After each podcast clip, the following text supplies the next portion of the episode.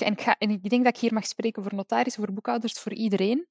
Wij adviseren u, wij nemen geen beslissing voor u. Dat is echt cruciaal. Ehm, wij kunnen u adviseren, maar jij zit nog altijd aan het stuur. Jij moet een beslissing nemen. Jij moet, uh, wij zijn eigenlijk allemaal maar co-piloot. Welkom bij CEO Lifestyle, de show voor ambitieuze ondernemers die hun business en lifestyle naar een hoger niveau willen tillen. Weliswaar op hun eigen manier.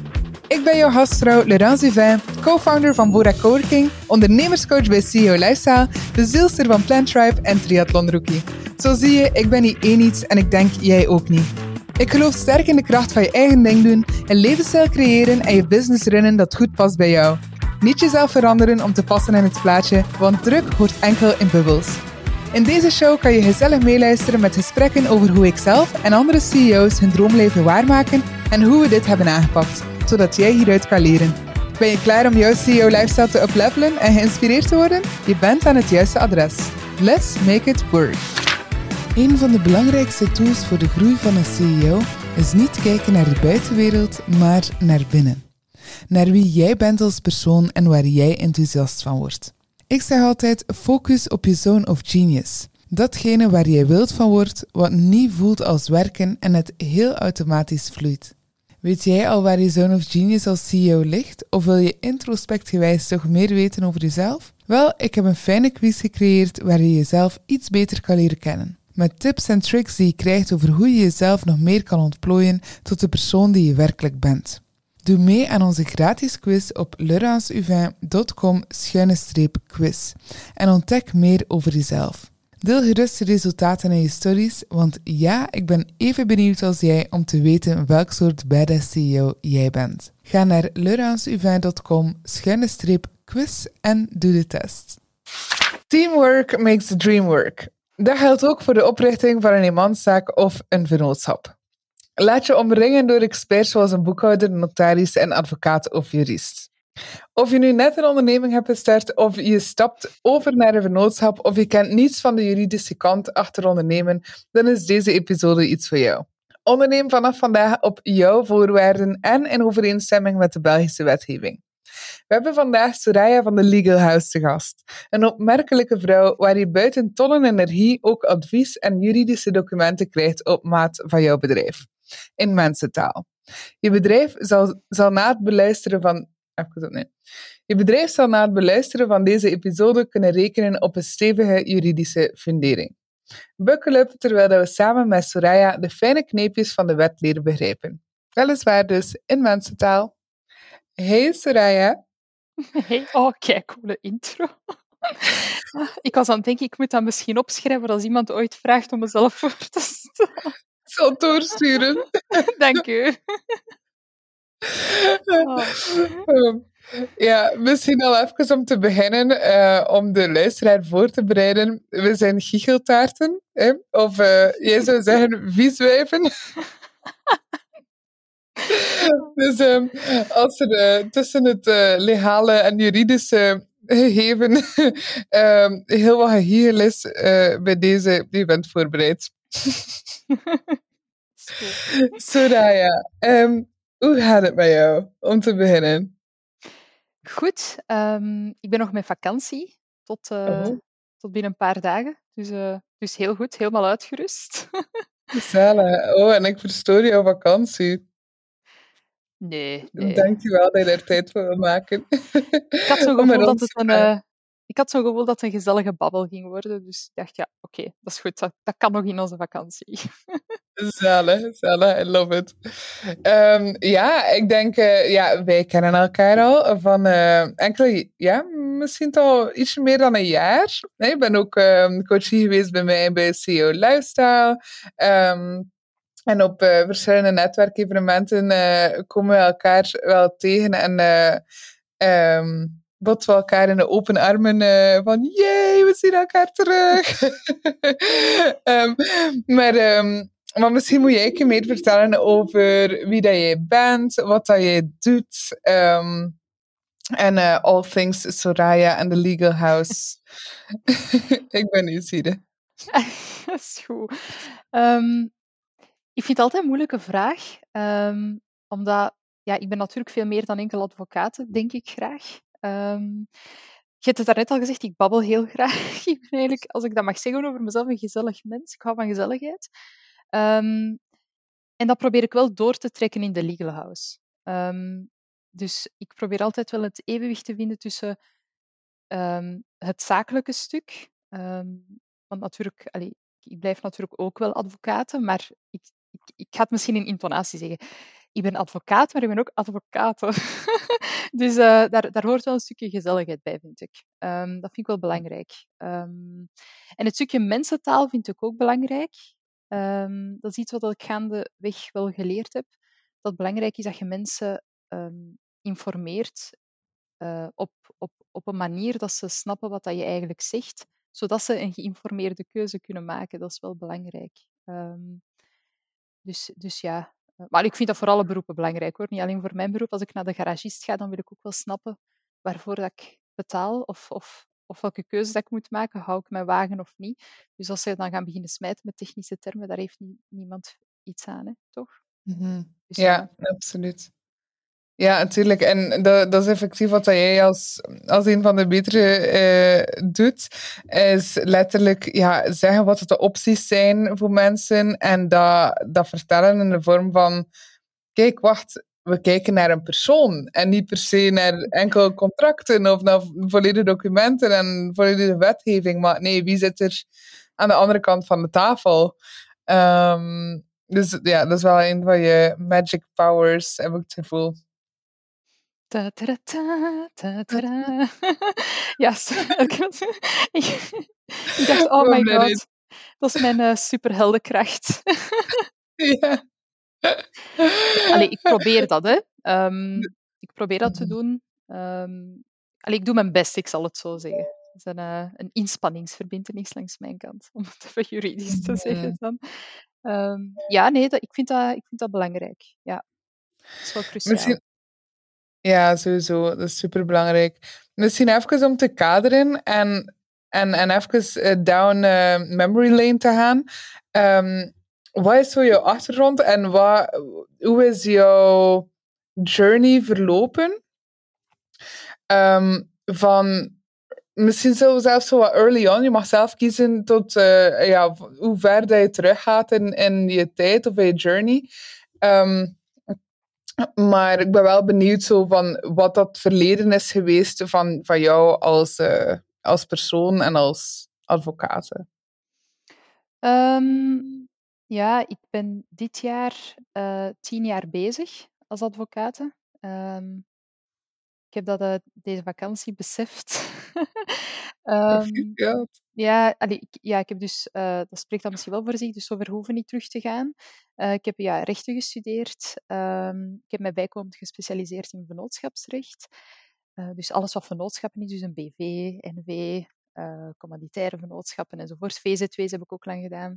Um, dan heb ik eerst een jaartje in het notariaat gewerkt, op de afdeling vennootschappen, waar ik heel veel, heel veel vennootschappen heb opgericht of helpen oprichten. Um, en daar voelde ik al, deze is, uh, deze is niet voor mij. Dat was voor mij net iets te um, administratief. En ook um, op het moment dat klanten dan al langs mij kwamen, was precies al het creatieve denkwerk al gebeurd. Want ze hadden dan al samen met andere partijen besproken welke vennootschap dat ze gaan oprichten, hoe dat, dat moet gebeuren, wat dat daar moet instaan. Dat proces is allemaal achter de rug tegen dat je bij de notaris komt. Alleen in veel gevallen toch. Uh, dus daar miste ik een beetje creativiteit. Um, dan ben ik overgestapt naar de Bali. Dan heb ik mijn uh, advocatenstage gestart. En dat is altijd wel in het ondernemingsrecht um, geweest. Heb ik jaren voor uh, een internationaal advocatenkantoor gewerkt. Um, en dan, ja, uh, ja, dat was eigenlijk voor heel grote internationale klanten. En daar miste ik dan misschien iets meer. Dat was dan heel zakelijk, wat oké is, maar daar miste ik dan een beetje warmte, daar had ik soms het gevoel dat ik een rol aan het spelen was. Um, van, zo ja, de professionele advocaat. Um, en dat is dan een beetje jammer. Uh, maar ik denk dat veel mensen in veel sectoren soms zo door een periode gaan.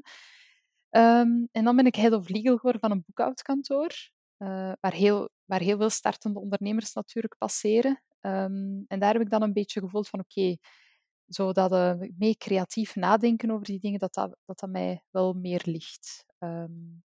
En dat was het uh, tijd voor mijn eigen ding, de Legal House dan.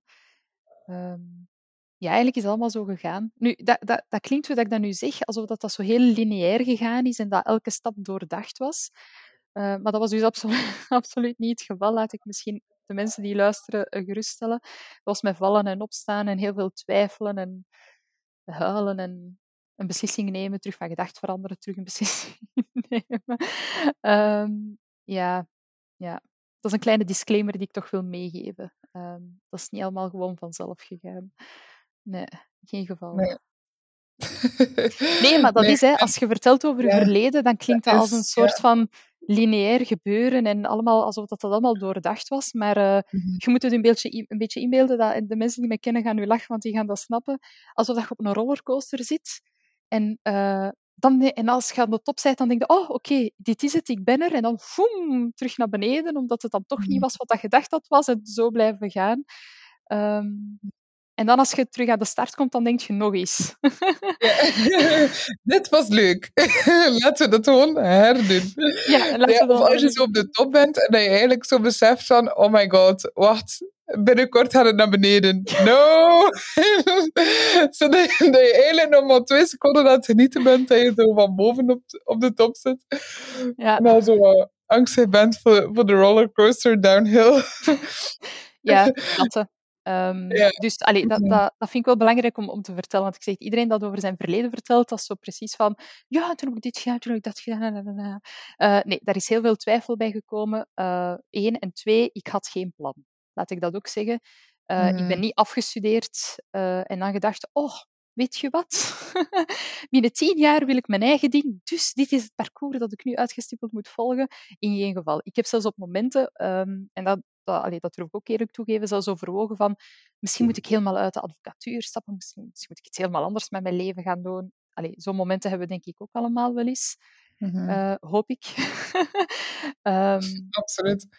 Dus, ik ja. zeg altijd van, als je nog nooit hebt gedacht, ook als ondernemer, om uh, te stoppen en terug een 9-to-5 job te gaan doen, wat dat niet verkeerd is op zich, maar als je dromen hebt en ambities, ja, of je, je bent ondernemer, ja, dan, ja, bon, hè, uh, dan wil je ergens vooruit. Maar heb je ook wel zo momenten van, oh my god, no, ik wil, ik wil gewoon die veiligheid, of ik wil gewoon mijn deur achter me toe doen en niet moeten nadenken over al die dingen die je eigenlijk ja, als werknemer niet moet over nadenken.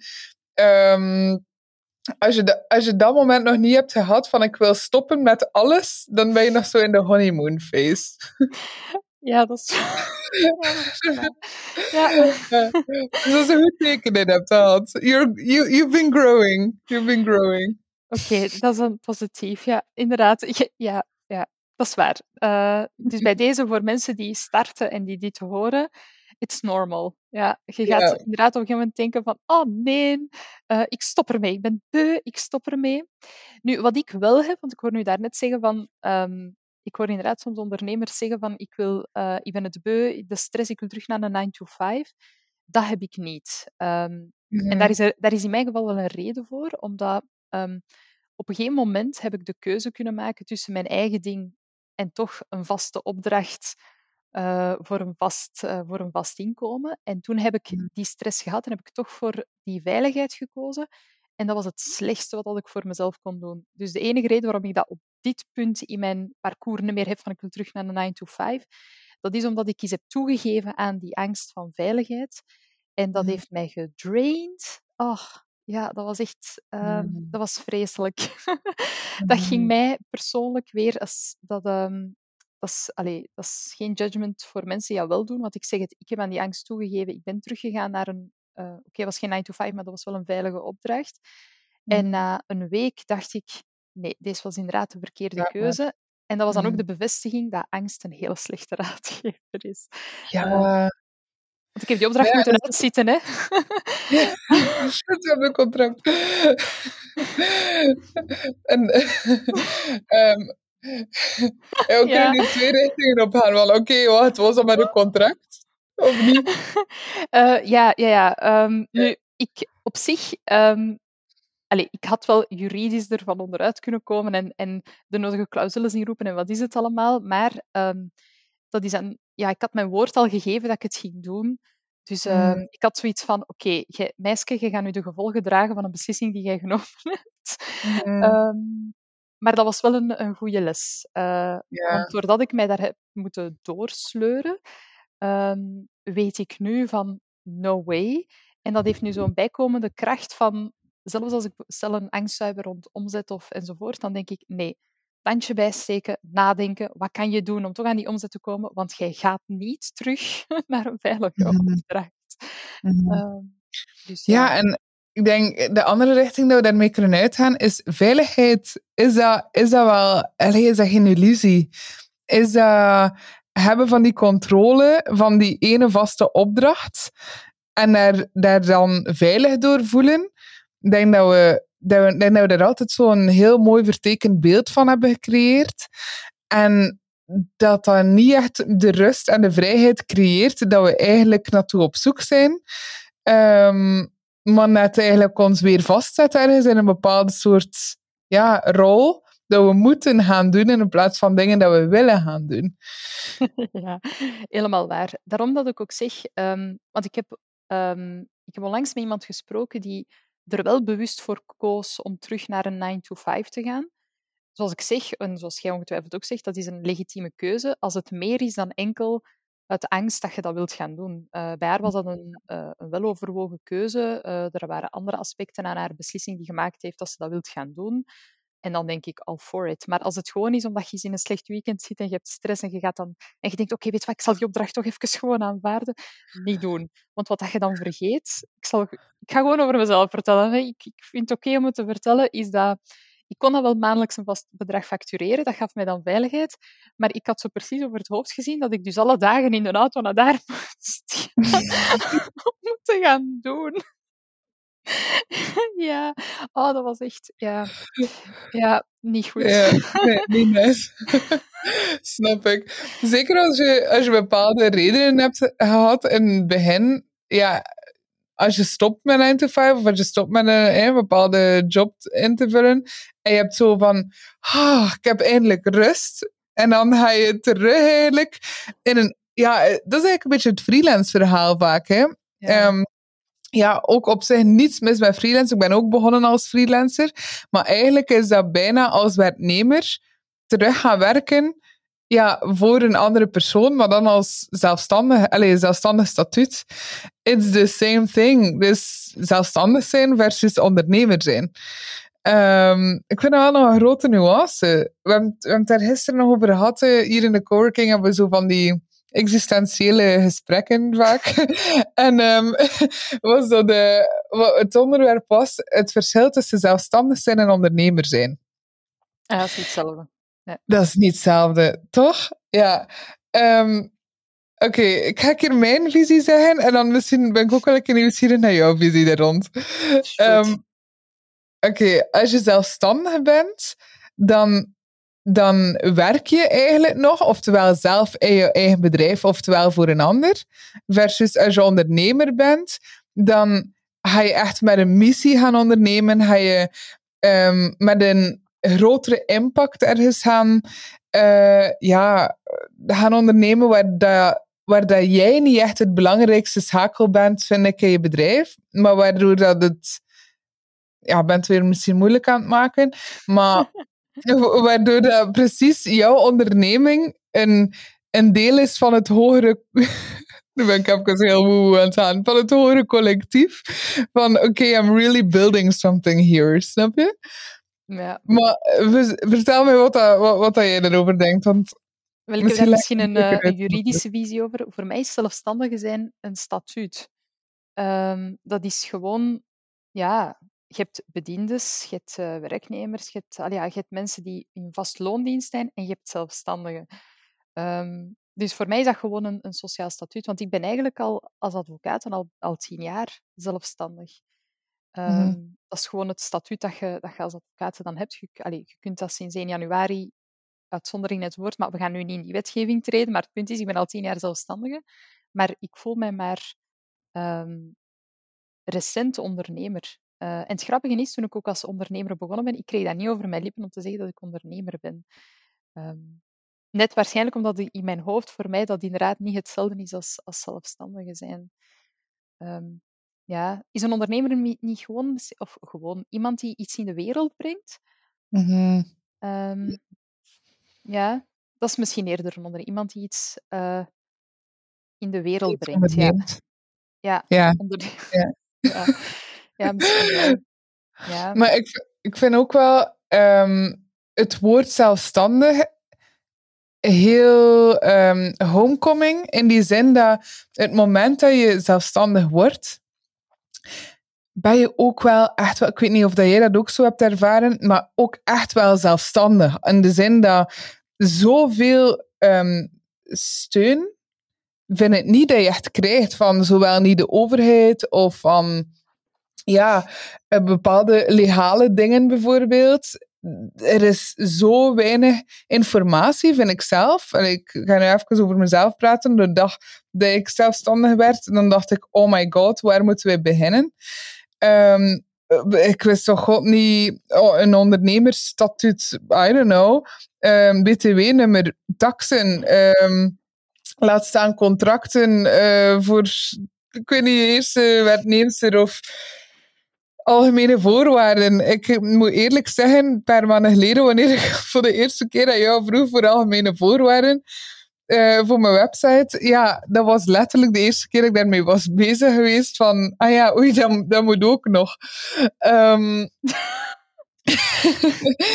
maar sommige dingen ben je gewoon niet van bewust dat, dat, je effectief expertise nodig hebt van iemand anders. Um, maar misschien een vraag naar, naar, jou toe is van, en, en ik denk hoogstwaarschijnlijk dat er, dat er nog wel mensen zijn die daarmee zitten, um, is gewoon, ja, wat is er belangrijk als je start met oftewel je eigen bedrijf, oftewel uh, je eigen vennootschap? Um, ik ga eerst misschien iets anders zeggen, want dat is heel grappig hoe dat... Nu, ik zit er natuurlijk middenin en ik informeer heel veel ondernemers over van alles en nog wat. Naar mijn gevoel is er um, geen gebrek aan informatie, maar is er te veel informatie. Mm. dat verspreid is over 20.000 en één kanalen, um, waardoor dat het denk ik inderdaad, dat we nu op een punt zijn dat dat niet duidelijk is, um, wat dat je nu wel en niet moet doen, enzovoort. nu, de eerste vraag die ik vaak aan, aan, aan ondernemers stel aan, of aan klanten is, heb je een bedrijf of is het een hobby? Um, dat, ik, ik, weet niet, en, dat, en dan gaan we nu een beetje in uw vaarwater komen, dat is een andere mindset. Um, ik spreek soms klanten, en als ik hen, of, of niet-klanten, en als ik tegen die ondernemers bijvoorbeeld zeg, ah maar je moet oppassen, je hebt dit nodig en dat nodig, of hier moet je mee opletten, dan zeggen ze tegen mij, oei, dat lijkt me allemaal te veel gedoe voor wat ik maar ga doen. En dan denk ik, ja, maar ga je professioneel een zelfstandige activiteit uitbouwen? Word je ondernemer of zijt je maar aan het spelen met wat dat gaat doen. Ik weet niet goed, hè? Dat, is, dat is een andere mindset. Mm Ja, ja. ja effectief. Ik um, denk van ja, als je een superkrachtige vraag om te beginnen, hè, hobby versus um, bedrijf. Um, ja, in mijn hoofd is het verschil tussen hobby en bedrijf, ja, oftewel vraag je er geld voor, oftewel niet. Uh, Maar misschien een juridische, ja, eerlijk. Als ik bijvoorbeeld, uh, ik weet het niet, mega gepassioneerd zou zijn door um, kammen van haren van paarden of zo. Ja, ik kan je dan ook kiezen tussen, doe ik dit als hobby of doe ik het als bedrijf? Oké, heel random voorbeeld. Ik ga jou een geheim vertellen. Mijn grootste productiviteitshack. Wanneer ik thuis werk, ben ik best afgeleid. Je kent dat wel, hè. De afwas van het ontbijt staat nog in mijn keuken. Op de grond van mijn slaapkamer liggen kleren. Mijn gsm trilt dan. En op reis moet ik zoeken naar een plek met wifi, Zoom-meetings doen in een drukke luchthaven en wil ik tussen de meetings door de lokale plekjes wel eens bezoeken. Maar dat is niet zo goed voor mijn productiviteit. Op zo'n dagen kan ik drie dagen doen over taken die ik eigenlijk in een halve dag zou kunnen. Nu, wat is mijn allergrootste productiviteitshack? Ik ben een klein beetje bevooroordeeld, want ik heb het samen met Justin zelf gecreëerd. Maar dat is onze coworking. Bora Coworking. Een plek waar ik uren gefocust kan werken samen met andere ondernemers die minstens even serieus zijn over hun doelen, waar ik mijn coaches van CEO Lifestyle kan uitnodigen, de podcast kan opnemen en geregeld op een leuke workshop of event kan bijleren. Waar er ook prachtige vergaderruimtes zijn, met letterlijk alles je nodig hebt om een werk professioneel te kunnen doen. Het licht zit er goed, de lucht is er zuiver, de minimalistische look is huiselijk en verwelkomend en je kan er de beste smoothies en gezonde lunch bestellen. Allee ja, ik zou hier uren kunnen over praten, maar als je op zoek bent naar zo'n plek waar je productiviteit de lucht in gaat, hoef je niet verder te zoeken dan Bora Coworking. Even praktisch. Opties om te werken bij Bora Coworking zijn toegankelijk en flexibel. Van dagpassen tot teambeurtenkaarten en maandelijkse memberships, naar vergaderruimtes, een eventzaal en een ruime tuin voor je volgende workshop, teambuilding of feest. Wil jij een plekje reserveren? Ga dan naar boracoworking.com en bekijk de opties die het beste passen bij jou. Dat is boracoworking.com. En als je langskomt, is de kans groot dat ofwel ik of andere CEO's er zitten te werken. We kunnen al niet wachten om jou te ontmoeten, dus boek je plek op boracoworking.com en uplevel je groei en productiviteit. Hij zei van, uh, ah ja, hoe, je een keer verder nadenken over het grotere geheel. Nadenken over het grotere geheel. Uh, en um, kijken naar alle aspecten um, van uw bedrijf. Ik weet dat de meeste ondernemers het liefst uh, alleen bezig zijn met, uh, met het creatieve luik. Um, om nu, voor, om nu een, voorbeeld te geven, uh, of om het voorbeeld te, te, blijven dat jij eens gezegd hebt, uh, stel dat je een business hebt in het kammen van haren van paarden, um, dan is het enige wat je wilt doen, of waar dat je, je eigenlijk mee wilt bezighouden, omdat dat je energie geeft, is het kammen van de haren van die paarden. Maar waar, dat je, dan, dat je dan geen zin hebt om over na te denken, is um, uh, bijvoorbeeld uh, alles wat verzekering is. Dus stel dat jij daar staat en je krijgt een shot van dat, van dat beestje. Um, of je zet dan ineens werk ja. waar wordt inkomen. Um, stel dat jij um, een verkeerde beweging maakt en dat paard slaat ineens stil, springt over een hei en, uh, of een hek of zo en is weg. Ja, dan is het eigenlijk uw fout dat dat beest verdwenen is. um, dus ja, maar nee, snapte? Mensen denken dan niet per se na over de risico's. Um, nu, pas op, hè. Ik, ik, wil mensen geen schrik aanjagen. Je, kunt, allee, je hebt verzekeringen, je hebt contracten met klanten, algemene voorwaarden. Allee, we kunnen daar allemaal een mouw aan aanpassen. Hè. Maar je moet daar wel eens over hebben nagedacht. Um, waar mensen ook ja. niet over nadenken, uh, of wat dat ik ook heel vaak zie, is dat mensen geen geen controle nemen over zaken die ze uitbesteden. Stom voorbeeld, als ik aan, iemand vraag van, uh, ben jij btw-plichtig? Uh, want niet iedereen is btw-plichtig, er zijn uitzonderingen op enzovoort. Dan zeggen ze tegen mij, ach, dan moet ik eens aan mijn boekhouder vragen. Nee, dat moet jij weten. dan moet jij niet vragen, dan moet jij weten. Um, pas op, een goede boekhouder is uiteraard key en je kunt niet alles. Maar jij blijft nog wel aan het stuur zitten van je vennootschap of van je bedrijf. Um, denk ik dan. Dus dat is wel belangrijk. Daarom dat ik ook graag heb als ik met mensen mm. samenwerk, um, dat die niet gewoon tegen mij zeggen, hier, maak voor mij een contract en doe maar wat, dat je, wat dat je het beste lijkt. Dan denk ik, nee, nee, nee. wij gaan dit samen doen. Dit is een proces mm -hmm. dat wij samen gaan doorlopen. Het is uw bedrijf. Jij moet mm -hmm. weten tot wat dat je engageert ten aanzien van uw klanten. En dan pas kan ik dat in, in papier gieten. Ik ga je uiteraard adviseren en tips geven en je kunt terecht bij, met vragen. Je kunt voor het zeggen, wat denk jij? Is dit een goed idee? Dit een goed idee? Kunnen we allemaal bekijken. Maar jij moet het wel weten, hè? Mm -hmm. um, allee, ja, lijkt mij toch. Ja, absoluut. Maar ja, ik denk... Allee, het perfecte voorbeeld van daarnet van die, van die btw-plichtigheid, van ik weet het niet eens, is ik weet niet hoe dat, hoe dat, dat bij jou zat. Ja, waarschijnlijk, misschien wist je al, al van alles over BTW enzovoort. Maar als je daar niets over leert op school, wat dat voor veel mensen het geval is, dan weet je niet eens in het begin wat dat BTW is. Hè. Ik weet niet, maar ik, voor de langste tijd in het begin heb ik, wist ik het verschil niet tussen belastingen en BTW. Laat staan dat ik dan wist dat ik na een paar maanden een heel deel moest afgeven. Ik was echt in shock. no, what is happening? Um, It's my money.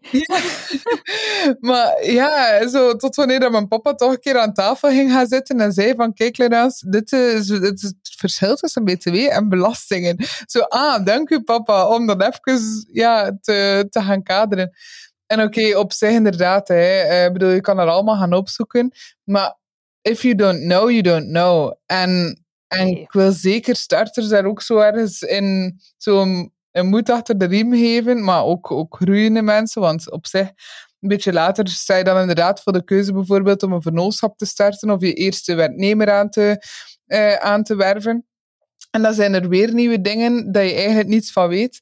Um, maar ja, om zo echt wel te zeggen van, please, laten we ons omringen met mensen die er eigenlijk wel iets van weten en waardoor je effectief wel een weloverwogen beslissing kan maken.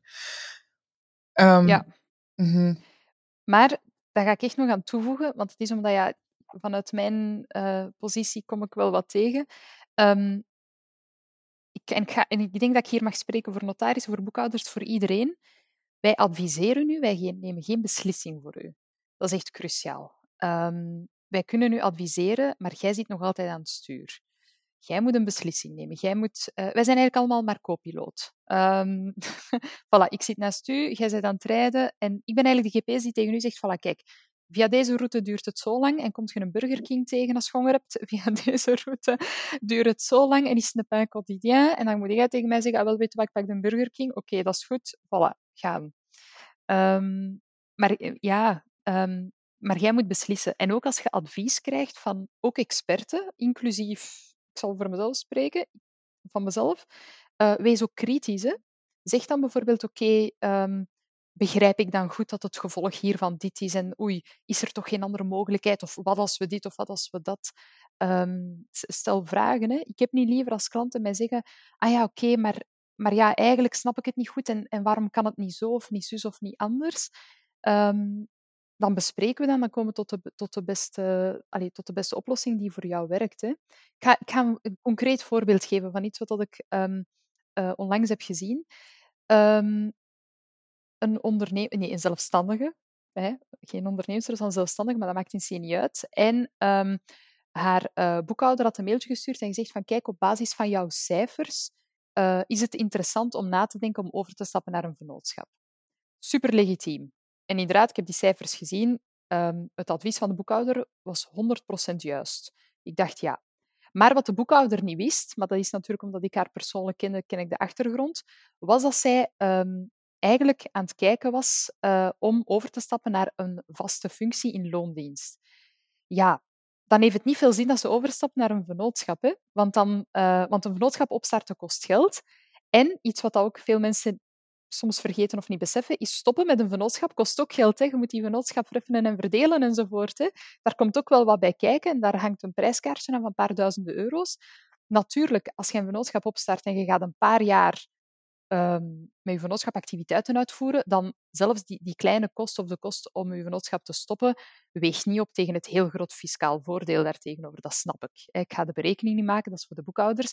Maar zij ging binnen het jaar nog overstappen naar een, naar een job in loondienst, ja, dan heeft het niet veel zin dat zij overstapt naar een vennootschap. En dan zou zij eigenlijk tegen de boekhouder moeten gezegd hebben, hey, wat gaat mij dit kosten? Want ik denk eraan om en om en om.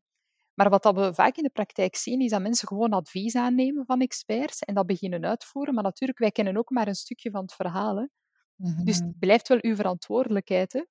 Mm -hmm. Ja, en er zijn er een paar dingen in dat je allee, belangrijk, uh, dat belangrijk zijn dat je aanhaalt. Enerzijds hoorde je zeggen van ja, um, jij wij zijn de co-piloten. Uh, juridisch advies, boekhouder, zelf business coaches enzovoort, dat zijn co-piloten. Jij beslist nog altijd waar dat de boot naartoe gaat, of, of bij een co-piloot het vliegtuig of de auto. Um, ja, maar ja, ik zie hier al de, de mensen die zo heel visueel voor, zich voorstellen van hoe kan je co-piloot zijn als, als je een boot hebt? Nee. Ja, oké, okay, anyway. Um, en, uh, en anderzijds, um, pum, pum, ja, nee, ja, wat hij zei. Uh, ik weet nu, ik ben nu zelf mijn weg kwijt, omdat ik co-piloot was hij bestuurder. Nee. Kunt, je de weg kwijt, kunt je de weg kwijt zijn op zee? Hè? Ja, uh, het is zo. Um, nee, maar inderdaad. En ik denk wel dat dat al super, super belangrijk is en waardevol. Omdat, ja, daar komt ook wel gewoon wel wat pressure bij kijken ergens. Van, oh my god, ik moet alles zelf gaan beslissen. Ehm, terwijl dat, ja, dat dat eigenlijk ook niet echt per se nodig is om al die druk alleen te gaan dragen. En dat dat effectief ook een conversatie kan zijn net met, met bepaalde mensen door net vragen te stellen, door net heel nieuwsgierig te zijn. En zo, ja, en, en, jezelf even ook zo de tijd te geven, hè, want... Um... Ja, ik ging het net zeggen. Ik ben blij dat je dat ook zegt. Um, en ik denk dat je dan misschien ook ergens moet aanvaarden dat je wanneer je start ook niet alles zult weten. Mm um, en dat dat een proces zal zijn van vallen en opstaan en gaandeweg. En, um, ja. ja, en dat, dat is denk ik in het algemeen in het ondernemerschap. Hè. Je, je doet en dan uh, je stuurt constant bij. En dan denk je, oei, dit werkt niet. Of oei, deze is een vervelende ervaring. Hoe kan ik die in de toekomst vermijden? Mm uh, of pak ik het in de toekomst anders aan? En, en zo gaat je dan uh, vooruit. Hè. Mm -hmm, en ik klink nu mega slim, hè, maar weer, uh, ik ga hier een disclaimer meegeven. Um, zo van die lessen van oei, deze is vervelend, de volgende keer ga ik het anders doen. Dat gaat bij mij eerst gepaard met een uh, week stressen en huilen en kwaad zijn en vervelend zijn en oei, en nee, nee en na. En dan de volgende keer ga ik het anders doen. Ja. ja. Effectief. ja, iets, iets dat mijn papa ook altijd heeft gezegd. Um, is zo van, Laurence, je hebt een exit-strategie nodig. En ik werd er altijd al heel vervelend over van, zeg papa, ben nog maar juist begonnen en geloof je niet in mij misschien? En trilala, trilala. Um, maar, uh, maar hoe langer hoe meer ben ik wel dankbaar dat hij dat, dat, hij dat meegeeft. Omdat, ja, we hebben het er net ook al gezegd, soms heb je ook gewoon een keer zo'n ding van, ga, ik heb hier eigenlijk allemaal geen zin meer in. Of ik wil, mijn, ik wil mijn bedrijf verkopen of franchisen of wat dat het ook is. Um, of gewoon stoppen. Hè. Um, en, en effectief, ja, enerzijds, je zei daarnet ook al die risicoanalyse van wat zijn de risico's als ik een bedrijf start. Maar anderzijds ook, ja, wat is mijn exit-strategie? Dat je toch alleszins zo niet het gevoel hebt dat je vastzit in je eigen bedrijf. Ah nee, laat ik dat misschien al zeggen. Um, want ik praat heel veel in disclaimers. Dat is misschien uh, beroepsmisvorming, dat weet ik niet. Maar wat ik wel zonder disclaimer kan zeggen is... Um, er is altijd een weg uit. Mm -hmm. uh, altijd. Welke weg dat, dat is, weer, dat, dat hangt ervan af. Uh, daar, je hebt honderden mogelijkheden, maar dat moet een geruststelling zijn dat je honderden mogelijkheden hebt. Um, maar er is altijd wel een weg uit. Maar het succes van die weg uit hangt af van hoe lang op voorhand jij beslist dat tijd is om ermee te stoppen. Uh, en dat is denk ik met alles zo. Hè. Als jij van de ene dag op de andere beslist van oh, ik woon hier niet meer graag, ik ga mijn huis verkopen en ik ben weg, dan ga jij aan eender welke prijs verkopen om zo snel mogelijk weg te zijn. Maar als jij twee of drie jaar op voorhand, ik zeg maar iets, nadenkt van oh, ja, ik, ik zie ons eigenlijk eerder in een andere regio wonen, weet je wat? We gaan eens nadenken. Hoe kunnen we het maximum um, de maximumwaarde uit ons huis halen. En dan gaat je misschien zelfs nog kleine investeringen doen, omdat dan de return of investment veel groter gaat zijn enzovoort. Gaat u daarop voorbereiden. Ga met verschillende makelaars spreken, schattingen laten maken. Je gaat misschien wachten totdat de markt uh, beter ligt om te verkopen en dan ga je verkopen. Je voelt dat dat toch een heel andere, uh, een heel andere uitkomst gaat hebben dan hier boef patat verkocht. Mm -hmm. En dat is met je bedrijf ook zo. Um, ja, Mhm. Daarom dat um, als er iemand bij mij aanklopt en die zegt tegen mij ik ben het kotsbeuk, stop ermee, dan denk ik al oei oei. Ja, niet goed. Of ja, wel goed. Hè. Ik mag daar eigenlijk geen uitspraak over, maar ik ga het nu even toch zeggen, niet goed. Ik heb veel liever dat daar, dat, dat een doordachte keuze is. Mm-hmm. Dus uw papa heeft 100% gelijk. Ik weet niet hoe je papa heet. Johan. Johan, je hebt 100% gelijk. Johan voor president. Johan, je hebt 100% gelijk. Je hebt een, een, een exit-strategie nodig. Mm -hmm. En een exit-strategie wil daarom niet zeggen dat je nu al moet denken aan ik stap er 100% uit. Mm -hmm. uh, dat vind ik altijd zo mooi aan exit-strategie. Dat kan bijvoorbeeld betekenen dat jij geleidelijk aan een uh, klein stapje terugneemt en dat je er een vernoot bij neemt. Uh, dat je bijvoorbeeld zegt van kijk, uh, ik heb hier binnen het bedrijf een aantal activiteiten of, of takken lopen. Ik ga er één ervan al afstoten. Um, die zaken, dat kan allemaal. Um, is wel belangrijk. Uh, ofwel dat je zegt van kijk, ik, uh, ik verkoop mijn concept aan iemand anders. Ik vraag iemand anders om het over te nemen. En daar zijn ook weer 20.000 opties in uiteraard. of juridische constructies mogelijk. Um, maar ik denk dat de, dat de grote boodschap is die ik hier wil meegeven, is dat um, en dat is waarom ik dat zo jammer vind als ondernemers zo op Instagram ineens posten ik stop ermee direct en baf, gedaan, die activiteit stopt.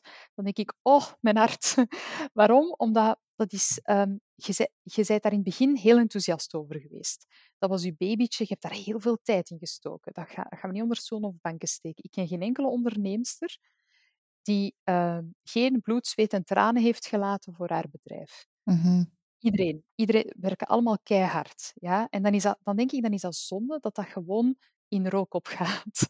Um, dan, en ook, um, en dat gaat misschien wel raar klinken dat ik dat zeg, maar je biedt een oplossing voor een probleem dat iemand heeft. Ja. Anders zou je bedrijf niet liable zijn ja. uh, of, of niet, niet, niet leefbaar zijn.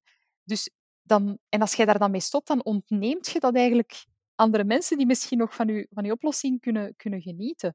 Um, en dan denk ik, ja, dat is dan toch allemaal spijtig, toch? Mm-hmm. Uh, terwijl dat je concept misschien wel in, allez, in leven kan blijven, maar gewoon misschien onder een andere constellatie. En dan moet je nadenken in hoeverre dat je zelf nog betrokken wil blijven.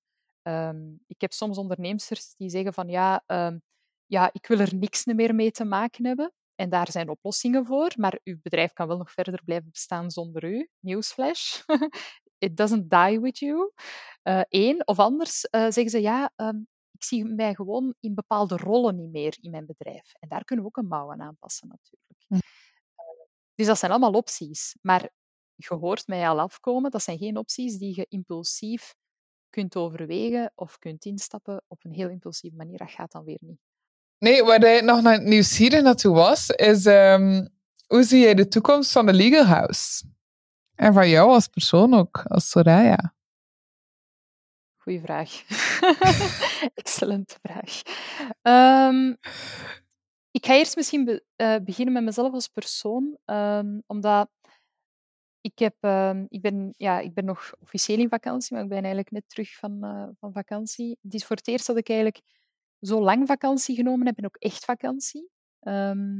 Dus uh, dus allee, dat moet ik wel meegeven. Uh, en dat heeft wel gemaakt dat ik heb beseft dat ik al heel lang um, altijd bezig ben met uh, Soraya in de legal house en wat is mijn rol en de legal house groeien en beter worden en dit. Um, en nu heb ik, heb ik ook zoiets van, ja, maar ik ben daarbuiten ook een, een persoon. Mm. Um, dus um, ik heb me eigenlijk voorgenomen, ik weet niet in hoeverre dat, dat dan business inspirerend is, om ook meer tijd te steken in mijn eigen interesses ontwikkelen. Mm um, buiten de legal house. Mm -hmm. um, en daar kijk ik eigenlijk wel naar uit. Um, ja, in die was dat eng hè, op vakantie, want uh, je kijkt zo lang uit naar die vakantie en dat gaan sowieso ondernemers herkennen. en dan is het vakantie, dus je laptop is dicht, alles is afgerond, de laatste rush is achter de rug en dan denk je, nu wat? Ja. Oké, of het is vakantie, maar wat doen mensen? Wat, wat doen mensen met zonder bedrijf? What do people do? What do people do? ja, en dan was de tweede uh, gedachte die dan daarop volgde, was van I'm in trouble. Als ik allee, tijd buiten mijn bedrijf nog niet kan invullen en ik weet zelfs nog niet wat ik graag doe en wat ik niet graag doe, dan denk ik, ik was niet goed bezig. Um, dus ja, um, nee, dus allee, daar heb ik nu in de vakantie heb ik terug mijn allee, interesses ontdekt, dingen die ik dan graag deed, ben ik terug beginnen doen. En ja, ik weet niet, ik wil, ik wil als persoon zelf ook nog wel, wel groeien of, of nieuwe dingen leren of dingen ontdekken. Mm -hmm. um, dus allee, dat was eigenlijk wel een heel, heel belangrijk inzicht. Mm -hmm. um, dat, heeft, dat heeft ook wel stress van mijn schouders genomen. Van, uh, um, zelfs als Legal House dan ik weet niet, mislukt of weet ik veel. Dat klinkt nu zo wat doemdenkend of, of raar. Ik als persoon ben er nog wel hoor. Um, mm-hmm. Ja. Ja, en ik denk, ha, er zijn heel veel mensen, denk ik, die, en pas op, hè, totally guilty, maar die alles in functie ook doen van hun business. Zelf al, soms zelf reizen is van, ja, maar ik heb die pauze nodig, zodat ik dan daarna nog beter kan functioneren in mijn business. of ja, ik moet net dit boek lezen. Ja, want dat gaat mij helpen om te groeien. Of zo alles, letterlijk alles. Oh ja, ik moet veel water drinken, want dan kan het nog heel lang impact maken op de rest van de wereld, want dan ben ik een gezond persoon. en, um, maar echt, letterlijk, echt zo super guilty of that. Maar Um, maar ik ben wel blij dat je het even aanhaalt van we zijn nog mensen buiten ons bedrijf ook. Ja, maar weer, uh, ik heb dat denk ik daarnet al twintigduizend keer gezegd, maar ik, ik, um, ik, uh, ik wil echt graag toegeven aan de rest van de wereld uh, dat ik ook maar een patatje ben die ook maar probeert te doen. Um, en allez, ik heb dat echt beseft dat ik dat, ja, allez, dat ik heel lang in functie inderdaad geleefd heb van mijn bedrijf. En ook mijn identiteit was somehow verweven met, met advocaat zijn. Mm -hmm. tegenover nu kan ik ja, allez, pas op, dat is omdat ik nu nog officieel in vakantie ben. Hè. Laat ik ook eerlijk zijn. Spreek me misschien binnen drie maanden terug en dan gaat je mij uh, terug moeten doen herinneren aan, aan al het briljante dat ik nu gezegd heb. wel, maar deze maar, uh, podcast komt toch online, dus dan kan je nog een mis. nee, woorden. Um, maar ik hoop echt wel dat ik dat ga kunnen, ga kunnen vasthouden. Ja, snap ik. Dat is wel, dat is wel, ja, dat is wel belangrijk. Um, ja, allee, laat ik dat mee ja, je vergeet het snel. Zoals je zegt, alles is in functie van je bedrijf. Uh, de boeken die je leest, uh, mm-hmm. of ook uh, dat je denkt, oh, ik ga op workation. Mm-hmm. Er is niks mis mee op workation gaan. Ik heb het zelf ook gedaan. Het was een superleuke reis, heel, heel nuttig en zo. Maar niet elke reis moet een workation zijn. Mm-hmm. ja, reminder. Toch, hè? Ja, want ehm, op den duur begint ook ons zelfvertrouwen net gelinkt te worden aan onze brand dat we hebben gecreëerd, onze business, onze klanten, die goede reviews hebben gestuurd, enzovoort. En niet per se naar de persoon dat we eigenlijk zijn.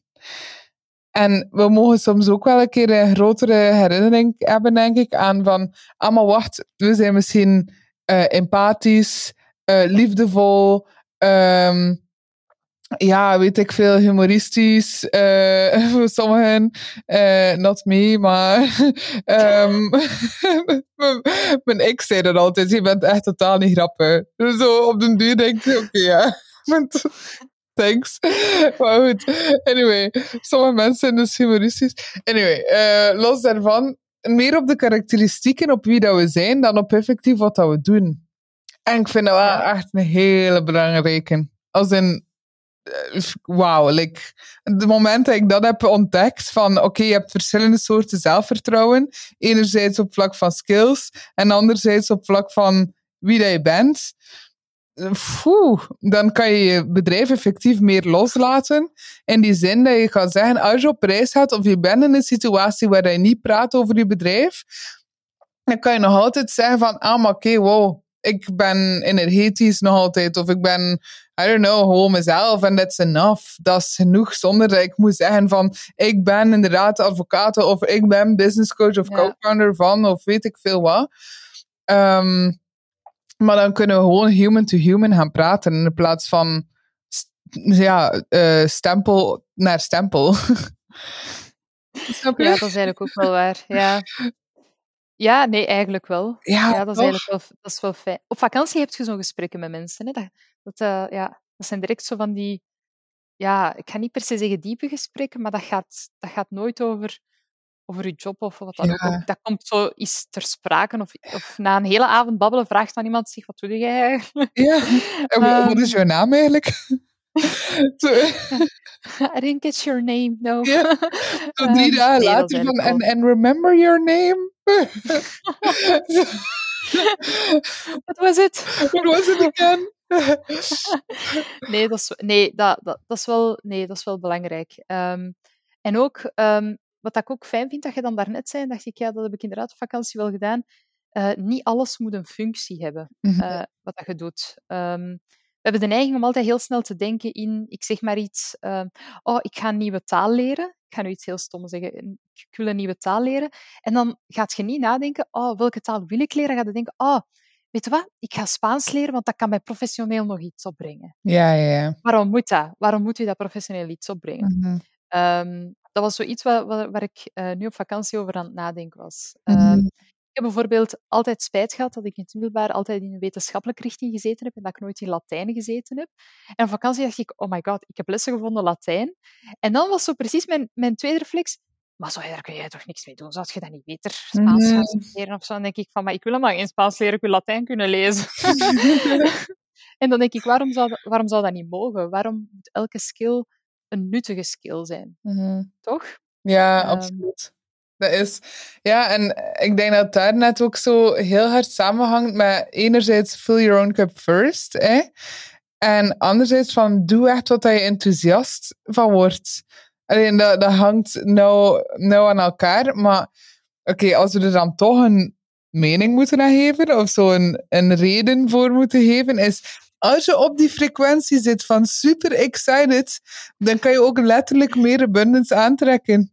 Dus als je dan, eh, als je, als je in die frequentie zit en ook dat kan zo gaan voelen, zelf al kom je dan terug en wil je je business stappen, dan kan je ook daar gaan zien van, oh my god, ik word super excited van, weet ik veel.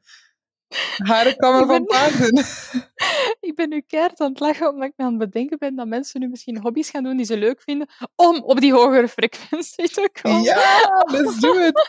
Eerlijk, Ja. hoe mooi zou de wereld zijn mochten we allemaal een beetje meer doen van wat ons echt enthousiast maakt. Ja. En wie weet, ja, oké, ik zeg het inderdaad, er moet geen reden zijn, maar ik ken, ik ken veel mensen die daar echt wel redenen achter willen. Maar, ehm, en ik zeg het opnieuw, ik ben ook zo. Dus wie weet komt er een mega magische business idee of partner of weet ik veel wat uit. You never know. Maar in die end ben je wel aan het doen waar je super enthousiast over wordt.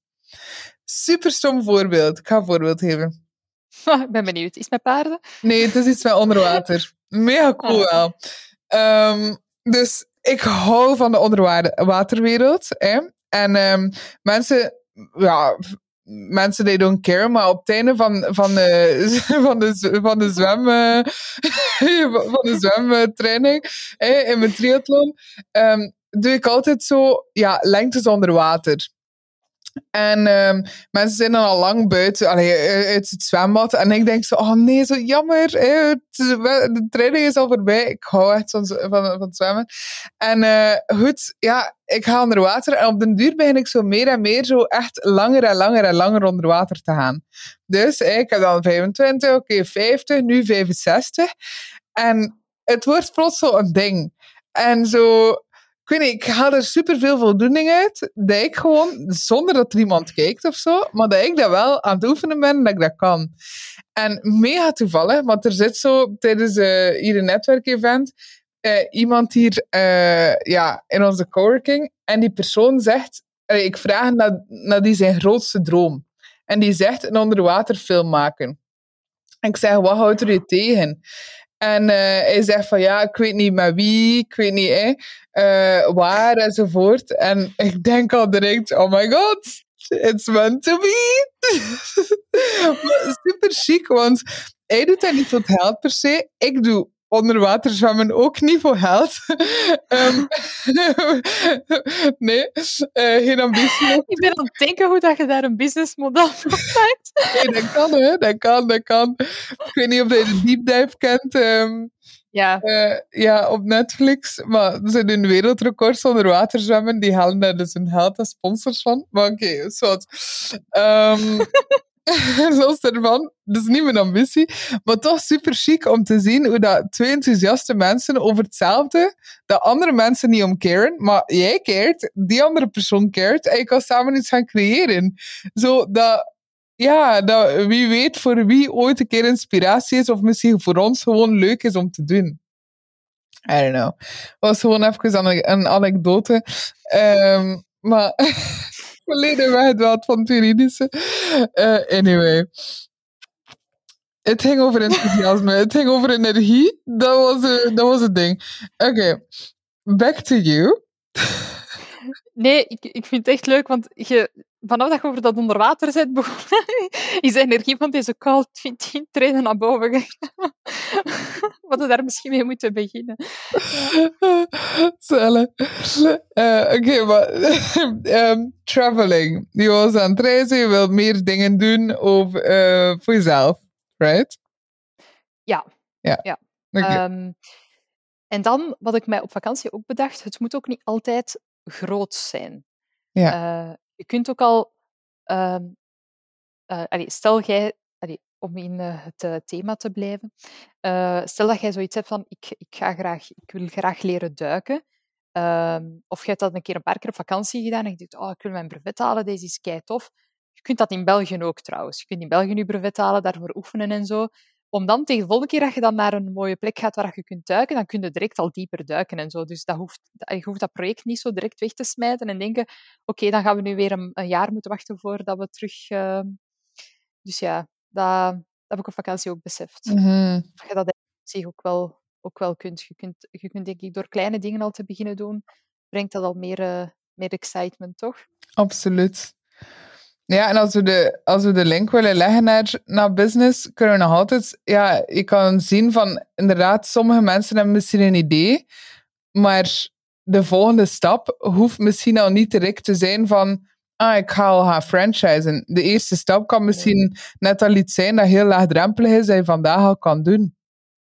Ja. Om dan effectief de volgende stap misschien binnen een jaar of binnen twee jaar al pas te, pas te kunnen, ja, uh, en vaak begint dat al, om het dan in business te houden, is dat je... Um, dat is een tip dat ik eens gehad heb en dat heeft mij echt wel allee, geholpen. Dat, um, praat met mensen die uh, doen wat dat jij potentieel misschien wilt gaan doen. Dus stel dat jij, ik zeg maar iets, een franchise wilt starten, praat met mensen die door dat proces gegaan zijn, die dat doen. Want alleen zij gaan u kunnen zeggen hoe het day-to-day is. En dan nog, het is voor iedereen altijd anders. Dus je, dus je moet advies dat je krijgt ook altijd met een korreltje zout nemen. Maar het heeft geen zin om van je bomma van 90 jaar advies te krijgen over een franchise. Je doet dat toch niet? Blijf bij je veilige job bij de overheid, dan heb je schoon pensioen. Ja. Snap je? Dat heeft niet veel zin, hè? Nee. Um, want ja, zij geniet nu misschien van haar schoon pensioen, maar ze is 90. Dus ja, dat... Ja, mm, um, dat, dat, is zo, allee, dat, dat, dat, is misschien een ander onderwerp, maar dat hoor, ik vind dat dat hier wel, uh, wel past. Dat is dat, um, ik heb dat eens, uh, eens uh, gehoord op een podcast van Oprah, of course. Oh, Oprah. Oprah, we love Oprah. Um, zij zei ook van, ik neem alleen advies van um, mensen die in het leven staan zoals ik in het leven sta. Hm. en en dat is mij altijd bijgebleven. Dat ze, allee, ik weet niet, ze heeft andere woorden gebruikt, andere voorbeelden waarschijnlijk ook, maar dat is mij wel altijd bijgebleven. Mm -hmm. uh, en omring u door mensen die het leven leiden dat jij aan het leiden of dat jij zou willen leiden. Mm -hmm. um, wat bedoel ik daarmee? Stel dat jij, uh, want dat hoor ik vaak, stel dat je de enige bent die aan het over, in je vriendenkring of omgeving die aan het overwegen is om zelfstandige te worden, terwijl iedereen in loondienst werkt rond u. Dat kan, hè? Maar jij voelt wel die nood om toch hè, ondernemer te worden. Ik kan u op papier geven dat de mensen die in loondienst zijn, uh, u dat misschien gaan afraden. Mhm. Oh, of advies gaan geven vanuit hun bril van misschien angst of horrorverhaal die ze is, die ze is uh, gelezen of gehoord hebben ergens anders enzovoort. Um, maar als je advies gaat vragen aan andere ondernemers, zij gaan u uh, wat is The Beautiful and the Ugly kunnen vertellen. Um, zij gaan u kunnen vertellen welke kleine eerste stappen je kunt zetten. Uh, zij gaan u veel gerichter advies kunnen geven. Waarom? Omdat zij zelf dat parcours doorlopen hebben. -hmm. Dus dat is helemaal, dat is helemaal anders. Um, ik, allee, ik zal misschien van, vanuit mijn eigen privékring spreken. Um, ik zie mijn papa heel graag. Laat ik, laat ik dat duidelijk zeggen. Hè? Dus uh, als mijn papa hier ooit naar luistert, ik zie hem heel graag. en al het advies dat hij geeft is altijd vanuit de beste intentie. Dat geloof ik ook, want hij ziet mij uiteraard ook heel graag. Uh, ik ben zijn favoriete dochter. Uh, de enige dochter. Maar uh, toch zijn favoriete, desalniettemin.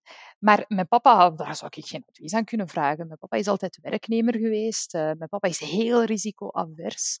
Ehm, als ik tegen mijn papa zou zeggen van, uh, ik zeg maar iets, ik ik, ik, ga een investering doen. Oeh la la, zou je dat wel doen? Oh, nee, nee. Beter één vogel in de hand dan tien in de lucht. Uh, enzovoort en zo verder. En dan is dat jammer, want ergens voel ik dat dat is wat dat ik wil doen. Mm -hmm. Maar ja, dat is geen advies dat je kunt volgen. Hè. Of je gaat het even volgen en dan aan een tijd gaat dat toch botsen, omdat je toch je eigen toch je eigen ding wilt doen. Ehm, Mhm. En om terug te komen naar het voorbeeld van als iedereen rond u in loondienst werkt en jij bent eigenlijk de enige ondernemer of onderneemster of je wilt het overwegen, ehm, dat is één ook, geeft dat tijd. Eh, als je omgeving niet direct eh, mee wilt. En zoals ik zei, omring je door andere ondernemers. Hè.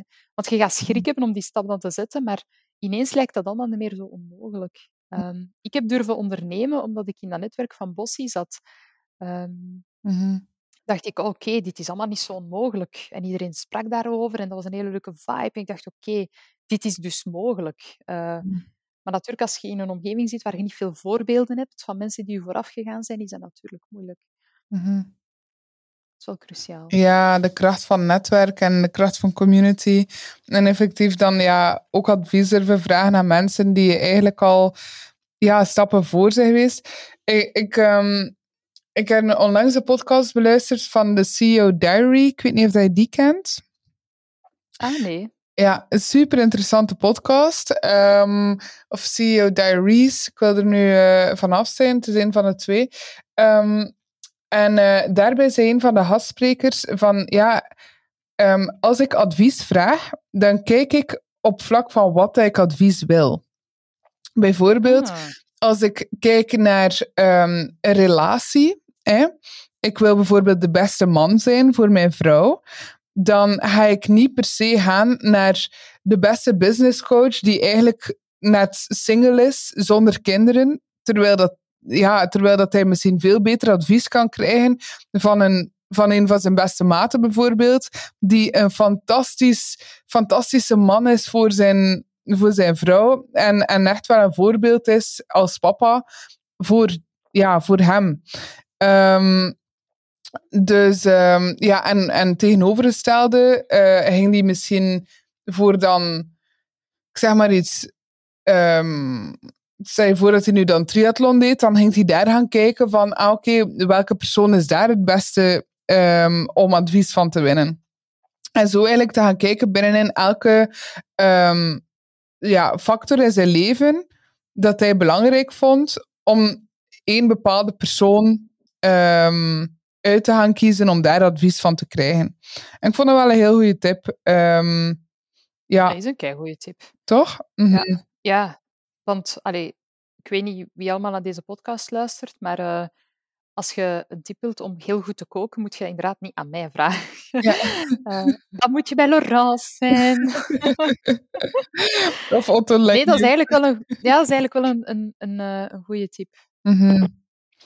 Ja, ik vond er ook wel een. Um, ja, effectief. Um, ja, ik zeg ook altijd, uh, bij liefdesadvies moet je ook echt niet bij mij zijn. Dus uh, hoeveel mensen daar vaak komen met zo, oh ja, ik ben single en dan, dan denk ik direct, nee, niet bij mij. Ik ben daar ook niet op zo, want het is een mirakel dat ik mijn echtgenoot gevonden heb, dus... Uh, ja. dus nee, nee, nee. ik kan geen tips geven. Bij mij was het echt toeval, denk ik. Toeval, yeah. Again, miracle. Mm -hmm. I would not know how to repeat it. Nee. Let alone repeat it for someone else. So Oei, I do not nee. know. nee, nee, nee, dat is waar. Um, maar dus al niet ja. in, denk ik wel dat mensen echt wel terecht kunnen uh, bij jou voor legal advice.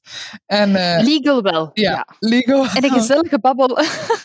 en een gezellige babbel en zo ook wel. Ja, ja. Dat, ga ik, dat ga ik er ook bij vertellen. Dat toch? beaam ik. ja. Zalig. Um, wel, onze, onze podcast is uh, opgedeeld in drie deeltjes. Ik hoop echt wel van harte dat de andere twee deeltjes mee zijn opgenomen, want die waren zo waardevol ook. Um, ik hoop het ook, want ik weet niet meer wat ik gezegd heb. Ja. ik weet dat het alleszins mind-blowing was. En dat, uh, dat ik echt vaak heb gedacht, ja, this is gold. Dit is gold. Um, ook al zijn het in woorden. Allez, als, je, als je het op een papier zou schrijven, dan zou het met de gouden, uh, gouden letters mogen geweest zijn. Dus uh, ik hoop dat ik het, dat ik het terugvind in, in ergens de cloud.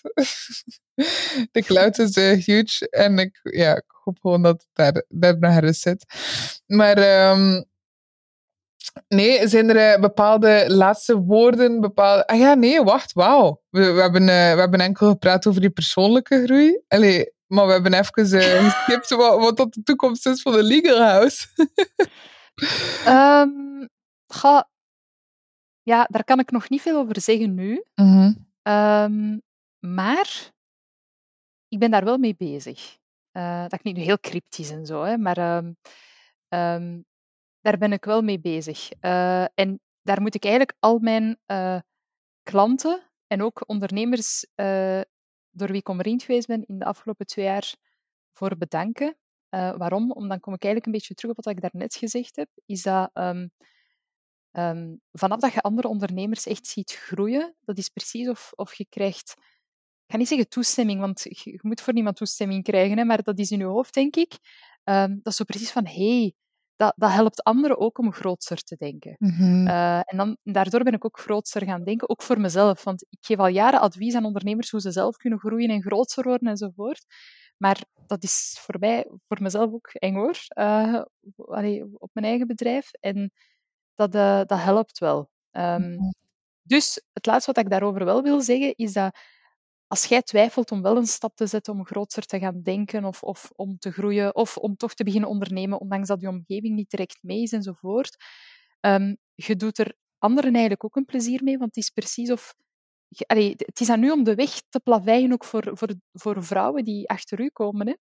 Uh, want je zult sowieso een voorbeeld zijn, op uw beurt weer voor iemand anders. Mm-hmm. Um, dus wees niet egoïstisch.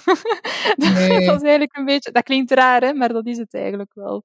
Ja, absoluut. Um, dat is super mooi ja. dat je dat zegt. En dat doet mij denken zo aan de, aan de quote die Bosbabe veel gebruikt. Ik weet niet of je Bosbabe kent. Ja. Um, ja, doe je niet. Zo, ze hebben denk ik 3,5 miljoen volgers op uh, social media. En um, en uh, zij, zij zeggen vaak van uh, be, be the person, eh, wees de persoon waarbij uh, ja, dat je andere mensen inspireert om even, gro allez, even groot of groter te gaan denken. Dus in plaats van dat wij onszelf eigenlijk altijd laten inspireren door grotere mensen, be that person. Um, waardoor dat je jezelf ook inderdaad die toestemming geeft om net groter te gaan denken. Um, maar ja, ik vind dat een heel mooie herinnering, omdat we zelf onszelf misschien wel soms wat klein houden. Door net te denken, oh nee, wat gaan andere mensen wel niet denken van ons? Um, en mogen wij wel volledig in onze kracht staan? Mogen wij wel volledig gaan shinen, zoals dat wij onszelf zien eigenlijk al voor in de toekomst? En dan denk ik dat dit echt wel een mooie herinnering en een mooie uitnodiging is naar, naar eender welke vrouwelijke of mannelijke ondernemer om te gaan... Ja, ja dat, dat geldt voor mij, voor voor uh, zowel vrouwelijke als mannelijke ondernemers. En uh, met groter gaan denken bedoel ik niet, uh, dat is misschien belangrijk dat we dat zeggen, dat je um, moet een bedrijf groot maken dat miljoenen omzet draaien. Als dat niet is wat, dat, wat dat je uit je hart niet wilt, dat hoeft niet. Met groter gaan denken bedoel ik vooral um, dat je de weg ingaat die je eigenlijk wilt ingaan, maar je niet durft. Daar gaat het mhm. eigenlijk over. Mm-hmm. Um, want ik vind het even krachtig als ik klanten heb die zeggen uh, ik heb de ambitie niet om te groeien. Mm-hmm. Uh, omdat, en daar hebben ze dan nu redenen voor, omdat ze bijvoorbeeld nog tijd willen voor, om andere nieuwe bedrijven uit de grond te stampen of voor hobby's enzovoort. Dat mag allemaal. Hè. Um, maar als je dan toch iets hebt dat je wilt doen, maar je durft dat dan niet, dan is dat jammer. Ja. Yeah. Um, en dan denk ik weer, hoor mij spreken, want ik heb er lang over gedaan om de stap te kunnen zetten. Um, maar ja, Nee, maar ja. ik vind dat wel een hele belangrijke. Um, omdat ja, de reden waarom dat je dan niet zou willen groeien, is ook super belangrijk. Hè? Ik, ik, hoor zoveel mensen zeggen van ja, hè, um, ze hebben eerst in het begin van het jaar een bepaald doel gezet. En dan tegen de helft van het jaar is ze van, goh, ik weet eigenlijk niet of ik dat wil. Ik denk dat ik dat heb gezegd gewoon omdat dat moest van de maatschappij of omdat dat succes is voor, voor iemand anders. En enerzijds, ja, dat kan. Maar anderzijds durf ook misschien terug te gaan naar waarom heb je in het begin van ja. het jaar dan wel dat doel gezet. En ben je nu jezelf aan het saboteren om dat te skippen, dat doel. Omdat je misschien geen weg er naartoe vindt. Maar dan is de vraag van, oké, okay, moeten, we, moeten we het doel veranderen of moeten we de actie er naartoe veranderen? Ja, dat is waar. En is de intentie vanuit een scarcity mindset van oh my god, ik kan het niet? Of is het vanuit een abundance mindset van ik kan alles, maar op dit moment wil ik het niet? Um, dus ik ben wel heel blij dat, dat, dat, dat, allee, dat we dat hier even bespreken, dat je dat even aanhaalt. Ehm, want ja, het is, belang, het, is belangrijk. Dat is belangrijk, hè? Ja, dat is zo. En um, wat dat soms ook een goede graadmeter is, um, als iemand iets doet en je voelt een steekje jaloezie. Oeh. ja, voilà, bij deze, ik heb het gezegd, ik ben soms jaloers op dingen, op andere mensen. Mm. maar waarom is dat? Dat is omdat hij dan, dat vertelt mij iets over, dat vertelt mij eigenlijk dat die persoon iets heeft of iets aan het doen is dat ik eigenlijk ook wil doen, maar nog niet aan het doen ben. Wow. ja. Daar gaat dat over. Uh, want je moet daar eens over nadenken. Als mensen u iets vertellen dat u eigenlijk niks kan schelen, daar voelt je geen jaloezie. Ik ga een voorbeeld geven uit mijn eigen leven. Um, ik, ik, ja, als een vriendin tegen mij zou zeggen, ik ga uh, een maand kamperen in Dardenne, dan denk ik, oh, have fun. Zonder ja. enig meer. Zonder enig meer. Waarom? Ik, ik, ik voel de nood niet om te kamperen. Ik ben geen kampeermens, dat hoeft voor mij niet, maar dat is mij, ik als persoon. Um, maar, maar als iemand bijvoorbeeld zou zeggen van... Um, oh, ik ga rondreis doen uh, in, in Griekenland om, uh, langs alle, om langs bijvoorbeeld het orakel van Delphi en zo te gaan rijden, dan ga ik een gigantische steek van jaloezie voelen. Want een van mijn, ik lees heel graag Romeinse en Griekse mythes en ik droom er al heel lang van om zo'n reis te maken en langs het orakel van Delphi te gaan. Dus als iemand anders daar naartoe gaat, dan denk ik, oh. dan, ja. Mm-hmm. Dus dat vertelt mij iets over mezelf. Um, mm-hmm. Dus voilà. Bij deze voel je vrij om mij te laten weten dat je gaat kamperen in Dardenne. I What don't are- care. Ja, ik, ik denk vooral van, what are you waiting for? Ja, dat is waar. En ook Ja. van, ja, als, eh, als het niet in de agenda staat, dan gebeurt het niet. Dus eh Nee, zeggen, wanneer, eh, wanneer, wanneer ga je naar het orakel van Delphi?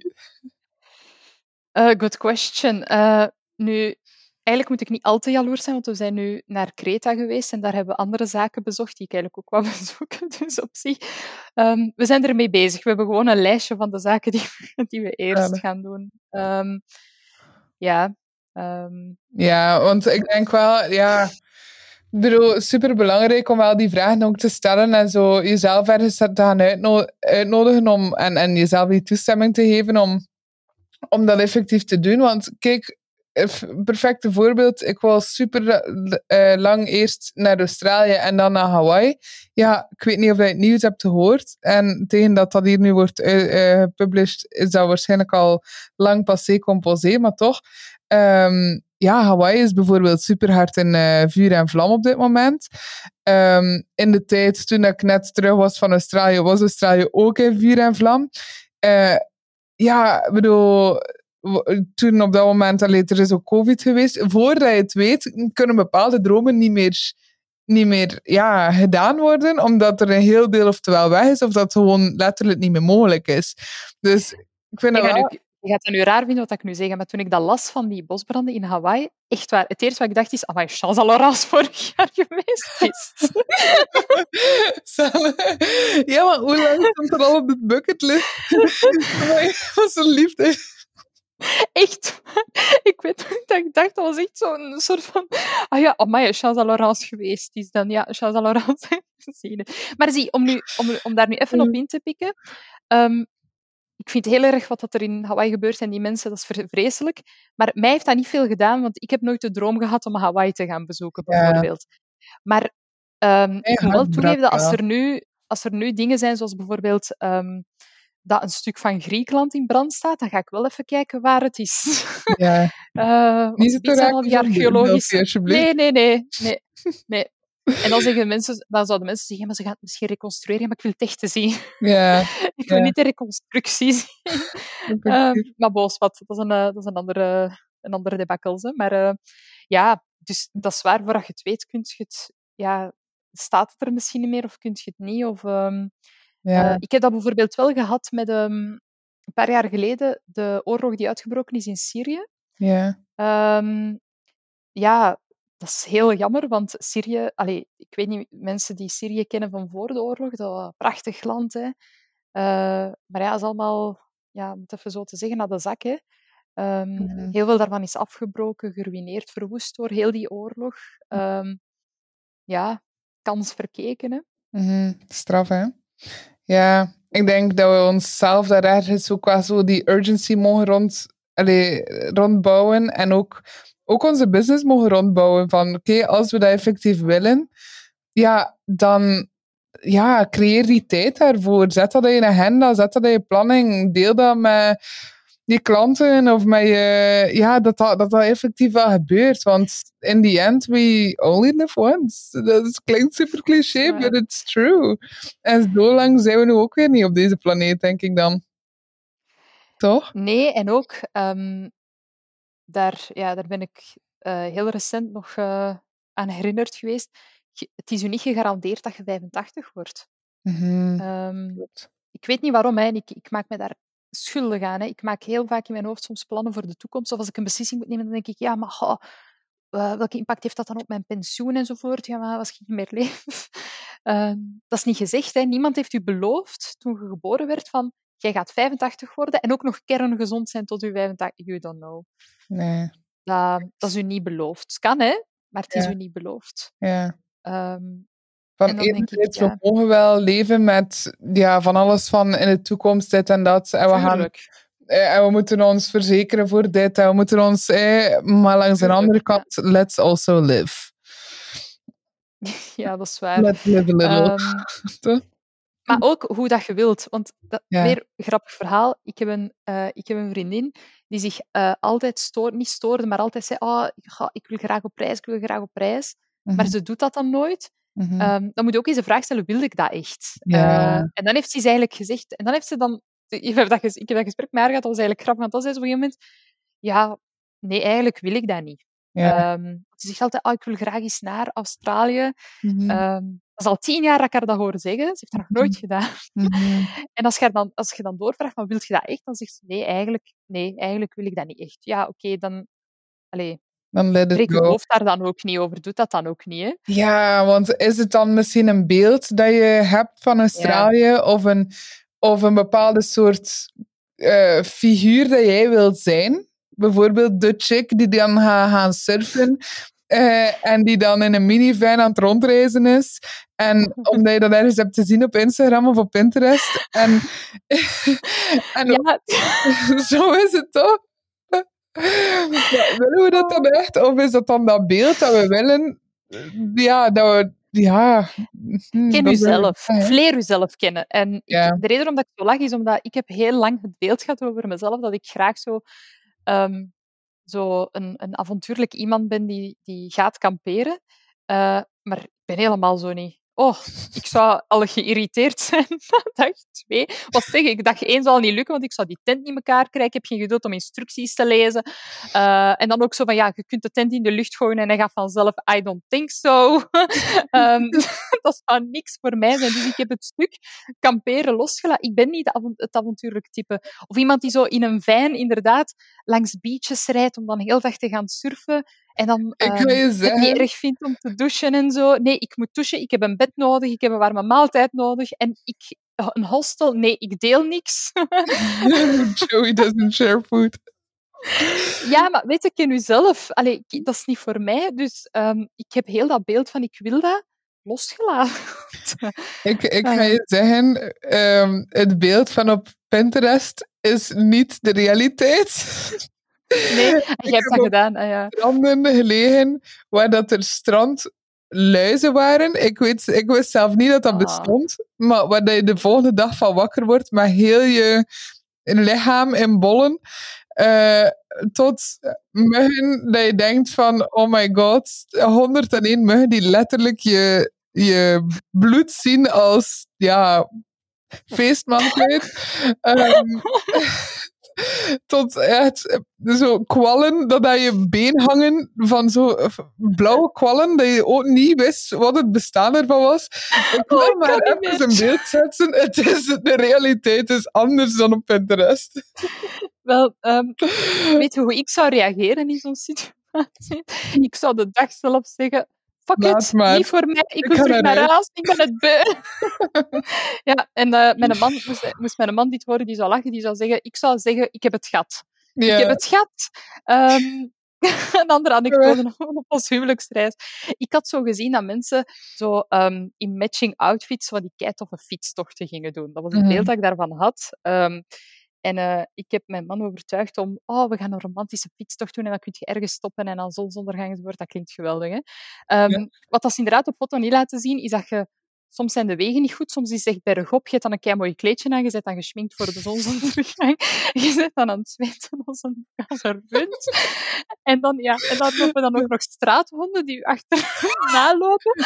Ik kan u garanderen dat je dat maakt dat je op die fucking berg Echt crazy.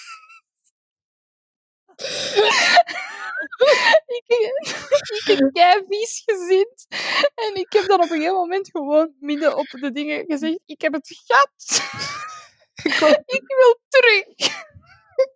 En, pas op als ik zo'n level van irritatie, ik heb het gat haal.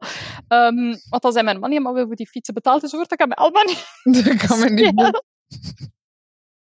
Nee, I'm done. I'm gonna nope. binge Netflix instead in my couch. And I'm fine. I'm done.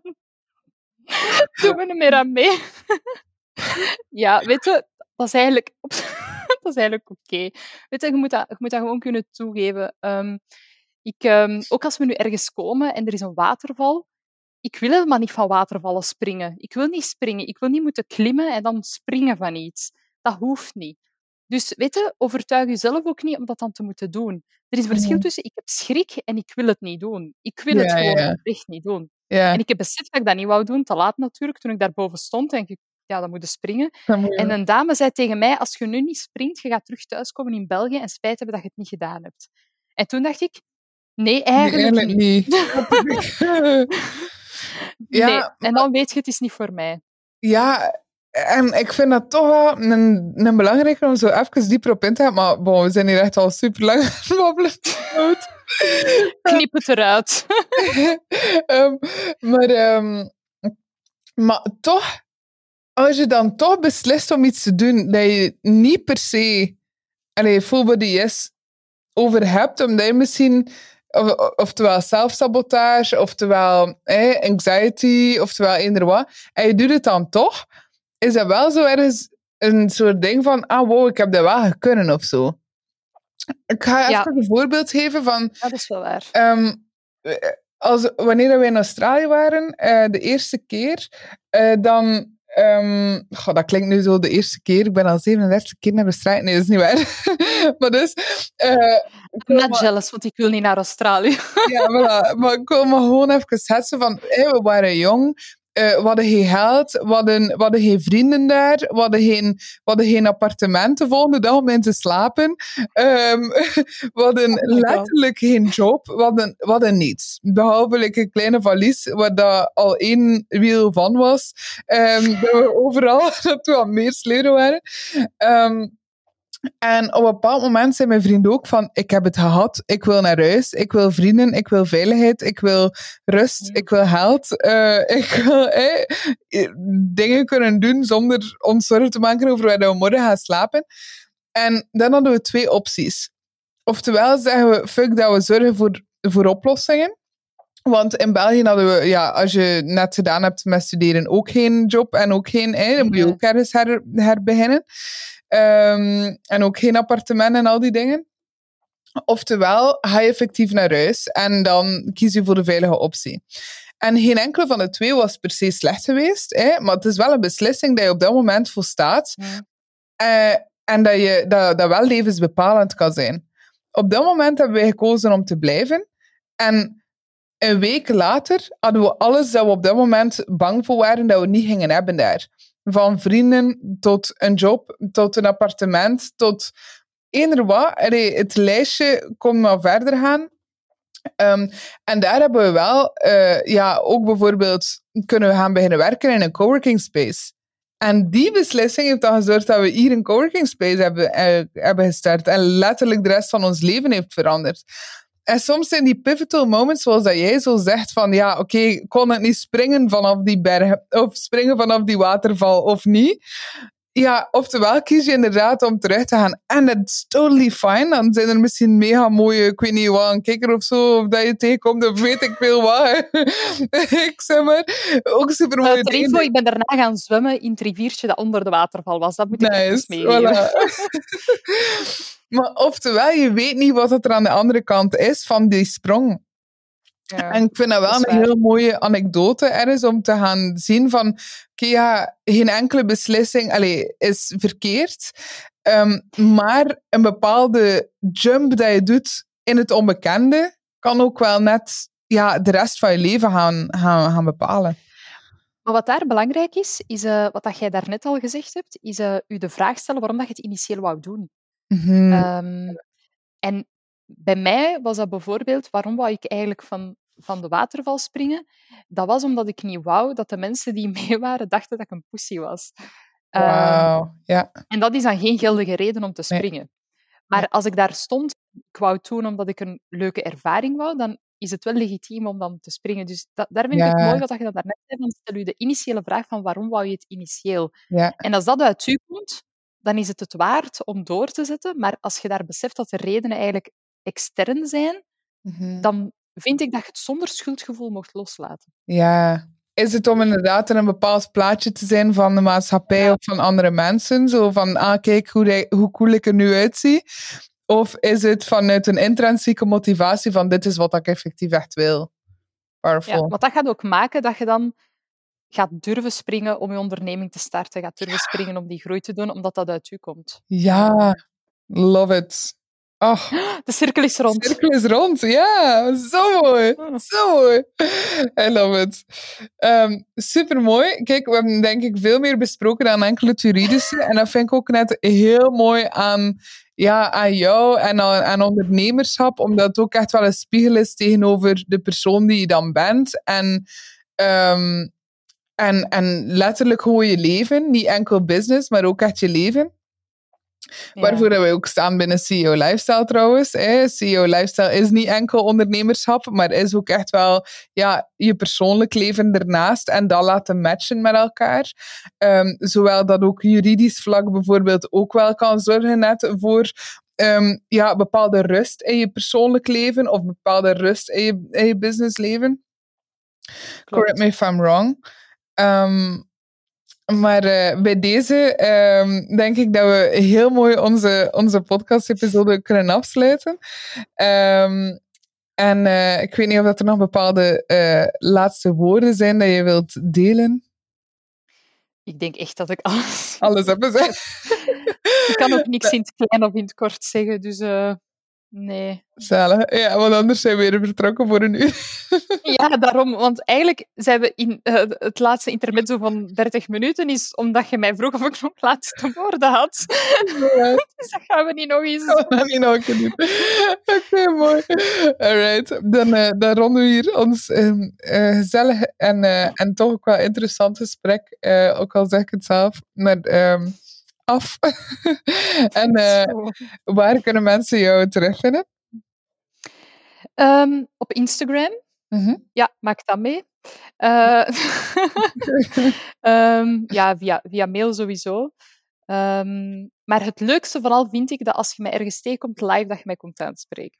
Ja, dat is mooi. Ik ben meer een live persoon dan een uh, online persoon. Zalig. Dus op Instagram is dat de Legal House. Ja. Um, je website is thelegalhouse.be. Of is het zonder ja. de? Denk dat... Nee, het is met. Met thelegalhouse.be. Uh, je e-mailadres is... Info at thelegalhouse.be. voilà. Um, dus uh, voilà. En als je, als je offline bent, dan roep je gewoon Soraya. Ja, Klopt. Hey, Klopt. En als je dan een tas koffie vast hebt, voor mij is het nog beter. Ah, voilà, kijk. Zwart. Zwart zonder suiker en melk. Voilà. Gewoon een zwarte koffie zonder suiker en melk voor Soraya. Dank u wel. Jij bedankt. Het was super fijn, het was super aangenaam. Voor de luisteraar hier, laat gerust weten wat hij, ervoor, eh, wat hij ervan vond van deze episode. En als je vragen hebt aan Soraya, ik ben er eh, 100% van overtuigd dat ze met heel veel enthousiasme uh, die vragen beantwoordt. Um, via een call of via een berichtje. Ehm, je bent alvast in die, bij de juiste persoon uh, en in de juiste of in de goede handen. Uh, dat kan ik je alvast zeggen. Soraya, een fijn weekend gewenst. Of een fijne week. Uh, ja, nee, weekend. Fijn de rest van je vakantie. Het is vrijdag, ja, ja weekend. ja, maar ja, als deze episode komt op een dinsdag online. Dus, uh, ah ja, oké. Okay. kijk, het is nu vrijdag, dus uh, fijn weekend wenst. Bye. Let's do a happy dance, want jij hebt alweer een episode beluisterd van de CEO Lifestyle podcast.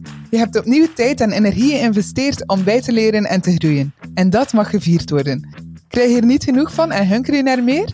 Surf dan naar ceolifestylepodcast.com en vind daar een overzicht van wat we net hebben besproken. En wil je meer connectie met gelijkgestemde ondernemers?